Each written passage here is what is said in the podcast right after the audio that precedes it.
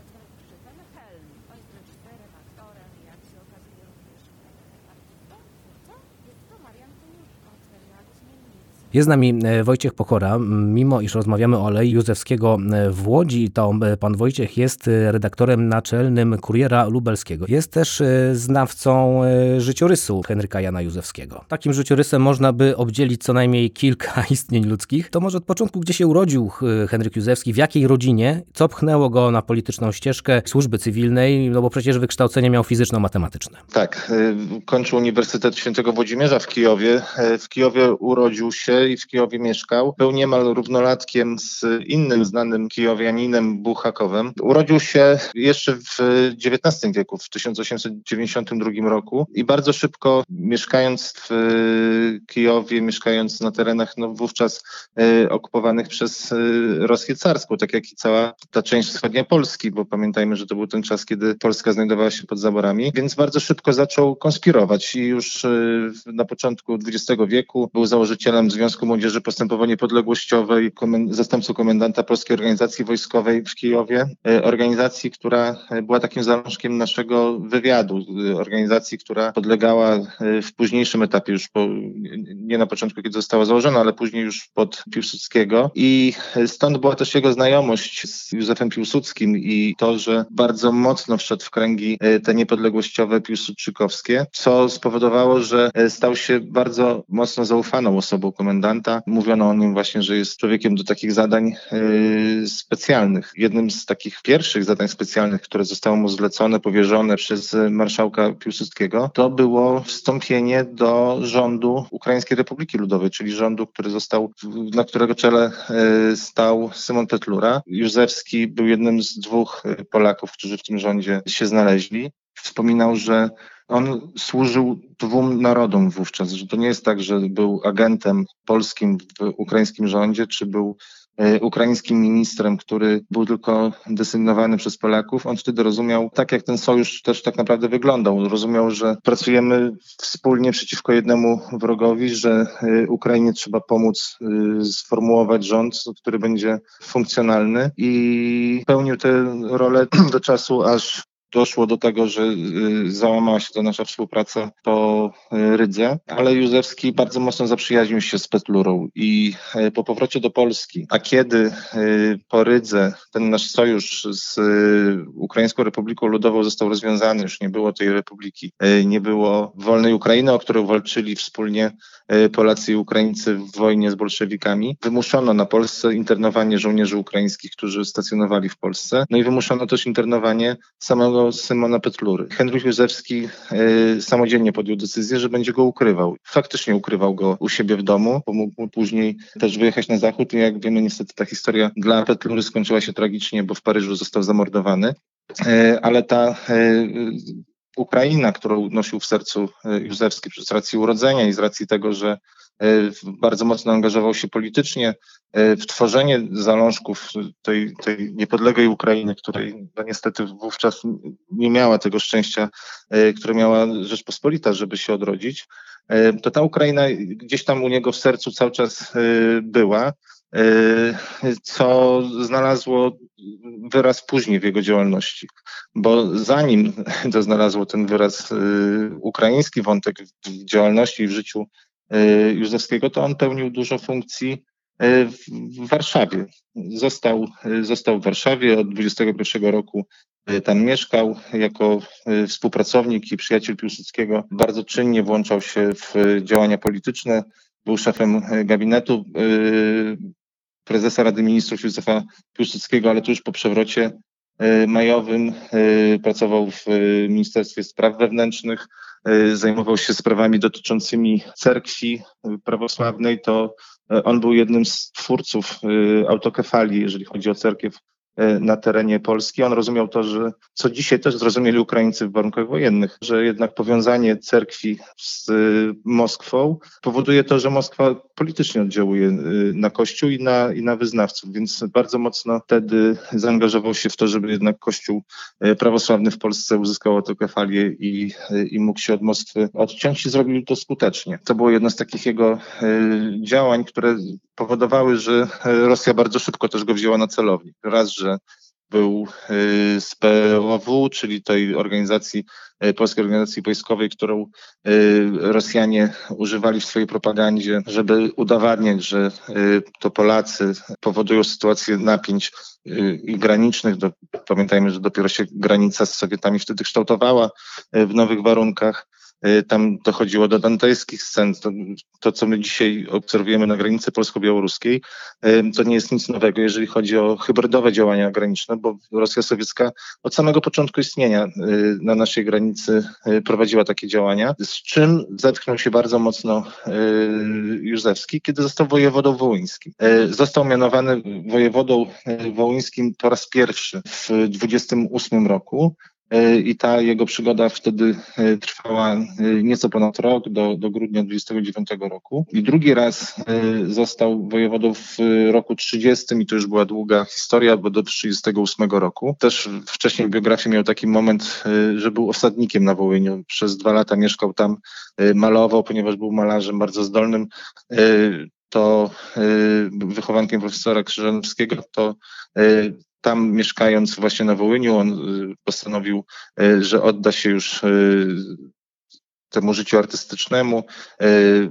Bywali u niego też polscy pisarze, Dąbrowska, Naukowska, bardzo, bardzo wielu znanych i znamienitych Polaków tamtego okresu. I, I, później, kiedy wrócił na ten Wołyń, to już mniej więcej rozumiał, na czym problem Wołynia może polegać. Jedną z pierwszych rzeczy, które z, zrobił jako wojewoda wołyński, to było stworzenie tak zwanego kordonu sokalskiego, czyli e, odgrodzenia e, Wołynia od wpływów nacjonalistów z południa, czyli z, z Lwowa, z Tarnopola, żeby te wpływy tutaj były ograniczone na Wołyniu.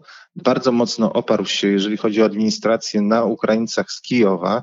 To, to były zarzuty, które mu stawiano, że E, współpracuje z, i, i robi taki desant e, Ukraińców e, z Naddnieprza w chwili, kiedy tutaj ma Wołyń.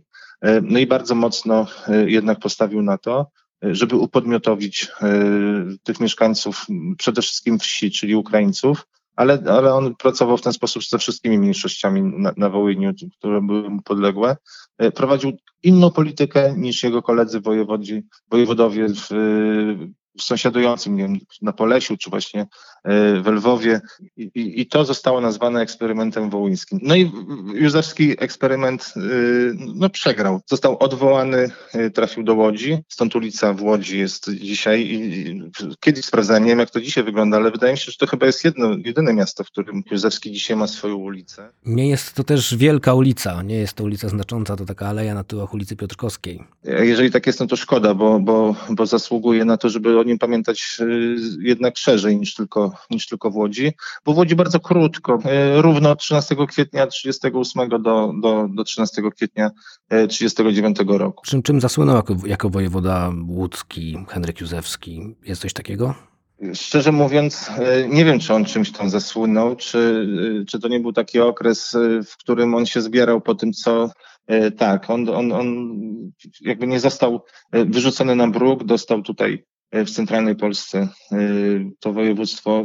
No i już zaczynała się za moment wojna, a pamiętajmy, że Józefski był konspiratorem. On był konspiratorem od najmłodszych lat i on bardzo mocno wszedł w te działania wywiadowcze podczas II wojny światowej.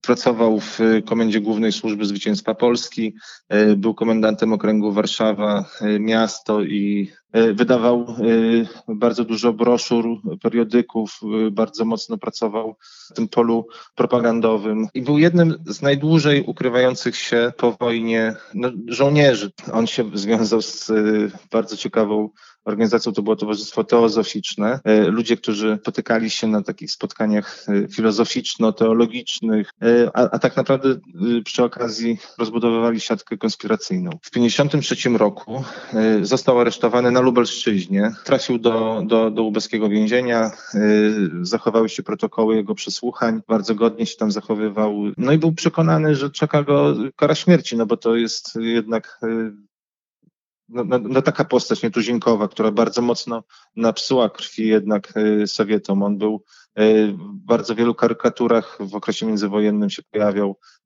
Był przedstawiany jako jeden z czołowych wrogów Rosji Sowieckiej, no więc taki ktoś, no to wiadomo, że szybko idzie pod mur. I umarł Stalin. Akurat tak się, tak się zdarzyło, że, że umarł Stalin i nie do końca wiedziano już, co robić, bo tutaj nagle zaczyna się odwilż i, i dostał długoletnie więzienie. Po wyjściu z tego więzienia już nie wrócił formalnie czy oficjalnie do, do, do życia konspiracyjnego. Poświęcił się już tej pracy artystycznej, został malarzem. On był malarzem. Zresztą jak wrócił z Kijowa do, do do Warszawy, to, to postanowił, że będzie malował. Dostał angaż w teatrze chyba w Krakowie i miał tam namalować scenografię do, do, do jednego z przedstawień. I elementem tej scenografii był zamek w Kamieńcu Podolskim. I on to opisuje, że siedział, odtwarzał sobie z pamięci, jak ten zamek wyglądał w Kamieńcu, te wieże, że jak on to namaluje. I został wezwany przez Piłsudskiego. Pojechał, no i wtedy dostał zadanie, że ma wstąpić do rządu Petlury. I pierwsze spotkanie z Petlurą było w Kamieńcu Podolskim. I ja napisuję, że siedział przy ognisku, patrzył na ten zamek i to o, to właśnie to są te szczegóły, o których nie pamiętałem, bo miałem to namalować, no ale już koniec z malowaniem, bo trzeba jechać na wojnę, trzeba się zająć polityką. I on przez całe życie w tym swoim pamiętniku to się przeplata, że chciałby się zajmować życiem artystycznym, a jest wciąż powoływany do życia tego politycznego, musi cały czas działać, musi cały czas pracować. Już na, na koniec życia postanowił, że jednak zajmie się tym malowaniem. Zachowały się takie relacje, że do tego jego mieszkania przychodzili różni ludzie. On z konspiracji wyniósł to, że jakby środowisk nie mieszał, z którymi się spotykał, czyli nie dopuszczał do tego, żeby te środowiska się spotykały. No i jest taka anegdotyczna właśnie, że jak przychodzili z Kijowa dawniej jacyś współpracownicy, no to wpuszczał ich kuchennymi drzwiami i z nimi gdzieś tam się spotykał. Jak przychodzili ci z okresu konspiracji po 1944, no w innych pomieszczeniach, że cały czas ta żyłka taka była w nim takiego konspiratora, ale raczej nie zachowało się na pewno nic, co by wskazywało na to, żeby prowadził jakąś działalność niepodległościową po wypuszczeniu z więzienia. Malował dużo jego dzieł, znajduje się w Muzeum Narodowym w Warszawie, w magazynach, ale, ale myślę, że to jest coś, co można by było może doprowadzić wspólnie do jakiejś wystawy, żeby, żeby to pokazać, odtworzyć, bo no wydaje się, ja nie jestem krytykiem sztuki, ale, ale wydaje się, że ta jego twórczość znalazłaby dzisiaj uznanie. No, ja też nie, ale z chęcią bym obejrzał na pewno taką wystawę. Zasłużona postać, niesamowita wręcz. Super bohater narodowy, można by powiedzieć. to jest super bohater narodowy, taki y, z pokolenia, y, za którym my tęsknimy, tak? Bo my tych bohaterów y, czytamy o nich, wspominamy ich, szczególnie tych, którzy tragicznie zakończyli swoje życie. Właśnie z tego pokolenia, z którego był Józefski. A, a, a tu mamy człowieka, który przeżył mniej więcej to samo, można powiedzieć, podejmował decyzje identyczne jak, jak, jak, jak ci jego koledzy pokoleniowi, czyli e, jak, e, nie wiem, Kielecki, jak, jak Nil, no był żołnierzem, walczył, był konspiratorem, był politykiem. Pewnie byłoby o nim o wiele głośniej, gdyby dostał kulkę. Paradoksalnie, no, no człowiek, który przeżył i po wojnie odsunął się na bok, został zapomniany. Dzisiaj pewnie jakbyśmy szukali jego szczątków na, na, na łączce w Warszawie, no to każdy by znał jego biografię, a tak szkoda, że ma, że, że ma tylko jedną ulicę w Polsce, ale może to się jeszcze zmieni, może, może zostanie doceniona. No wzór oczywiście do naśladowania, postać nieco zapomniana. No miejmy nadzieję, że taki podcast jak Ulice Historią przysłuży się do tego, żeby, żeby zdjąć to zaklęcie zapomnienia z Henryka Józefskiego. I za to trzymam kciuki.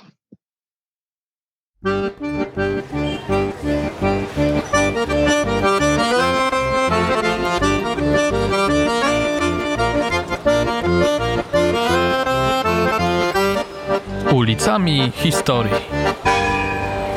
Podcast dofinansowany ze środków Instytutu Dziedzictwa Myśli Narodowej imienia Romana Dmowskiego i Ignacego Paderewskiego w ramach Funduszu Patriotycznego.